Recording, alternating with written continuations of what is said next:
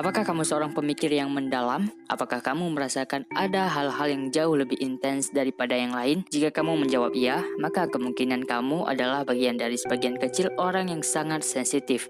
Pemikir mendalam juga disebut sensitif. Menjadi orang yang sangat sensitif berarti kamu dilahirkan dengan kecenderungan untuk memproses dan memahami informasi pada tingkat yang jauh lebih dalam daripada kebanyakan orang. Sebagian besar pemikir mendalam itu perspektif, empatik, intuitif, dan sadar diri. Mereka cerdas secara emosional, bersemangat, dan sangat kreatif.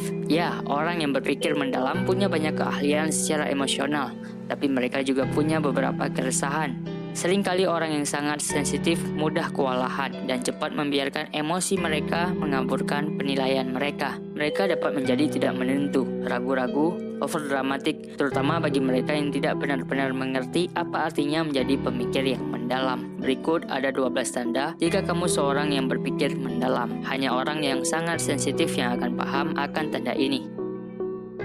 Yang pertama, kamu tidak berfungsi tempat tidur. Seperti kebanyakan dari kita, orang yang sangat sensitif tidak bisa bersosial dengan baik ketika mereka kurang tidur. Mereka cenderung rewel, mudah tersinggung, pening, dan gelisah.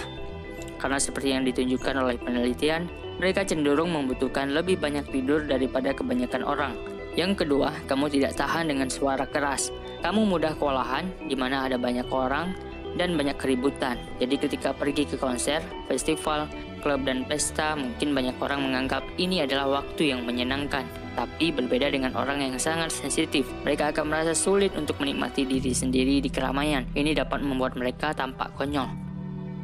Yang ketiga, kamu meneliti interaksi sosial. Kamu suka memperhatikan hal-hal kecil yang sering dilewatkan orang lain, terutama dalam situasi sosial. Mereka sangat baik dalam memahami isyarat nonverbal dan menganalisis bahasa tubuh orang lain, ekspresi wajah, dan nada suara. Akibatnya, mereka juga cenderung berakhir menganalisis dan membuat masalah besar tentang sesuatu yang bahkan mungkin tidak masalah. Yang keempat, kamu sering merasa lelah secara emosional. Salah satu karakteristik inti dari menjadi orang yang sangat sensitif adalah kamu merasakan hal-hal yang lebih dalam daripada orang lain. Kamu sering menyerap dan merefleksikan emosi orang-orang di sekitar kamu yang dapat membuat sebagian besar harimu terasa seperti roller coaster emosional. Yang kelima, kamu mudah dipicu oleh kekerasan. Apakah kamu mual saat menonton film berdarah dan merasa terganggu mendengarkan cerita tentang kejahatan keji yang dilakukan di berita? Orang yang sangat sensitif memiliki reaksi yang sangat kuat terhadap kekerasan dan kekejaman. Yang keenam, kamu mengalami kesulitan bergerak. Salah satu kelemahan paling menyakitkan untuk menjadi begitu sensitif adalah bahwa kamu perlu waktu lama untuk menyelesaikan masalah. Ketika seseorang mengatakan sesuatu yang jahat atau melakukan sesuatu yang buruk kepadamu, kamu tidak bisa membiarkannya begitu saja, tapi kamu tidak berani untuk bertindak. Tidak peduli seberapa besar keinginan kamu, kamu membujuk dalam benakmu bahwa itu bukan masalah besar. Yang ketujuh, kamu tidak nyaman dengan perubahan. Menavigasi lingkungan baru dapat membebani kamu. Kamu merasa cemas ketika makan di tempat yang baru atau mencoba sesuatu yang belum pernah kamu lakukan. Karena kamu telah menghabiskan begitu banyak waktu untuk merasa nyaman dengan rutinitas kamu yang biasa sehingga terasa tidak nyaman untuk tiba-tiba mengubah keadaan. Yang kedelapan, kamu tidak bereaksi dengan baik terhadap kritik dan konflik.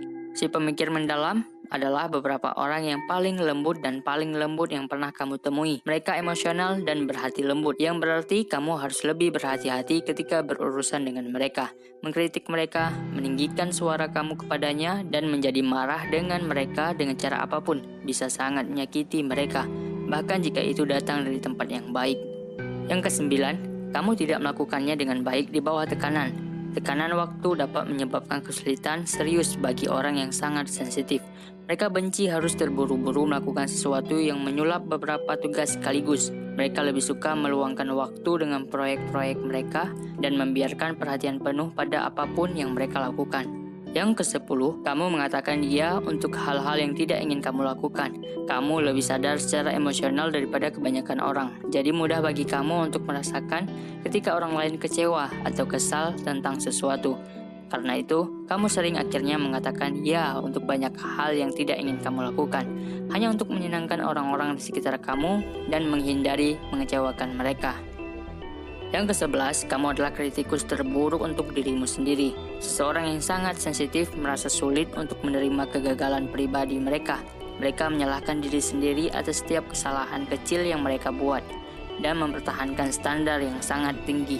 Tidak ada yang lebih keras atau lebih menuntut diri mereka daripada seorang pemikir yang mendalam. Yang ke-12, kamu sering disalahpahami. Akhirnya, jika kamu adalah orang yang sangat sensitif, kamu mungkin merasa disalahpahami oleh orang-orang di sekitar kamu. Karena si pemikir mendalam sering kali sulit dijumpai. Hanya satu dari setiap lima orang yang memiliki sifat kepribadian khusus ini. Mungkin sulit bagi orang lain untuk berhubungan dengan kamu dan memahami sudut pandang kamu.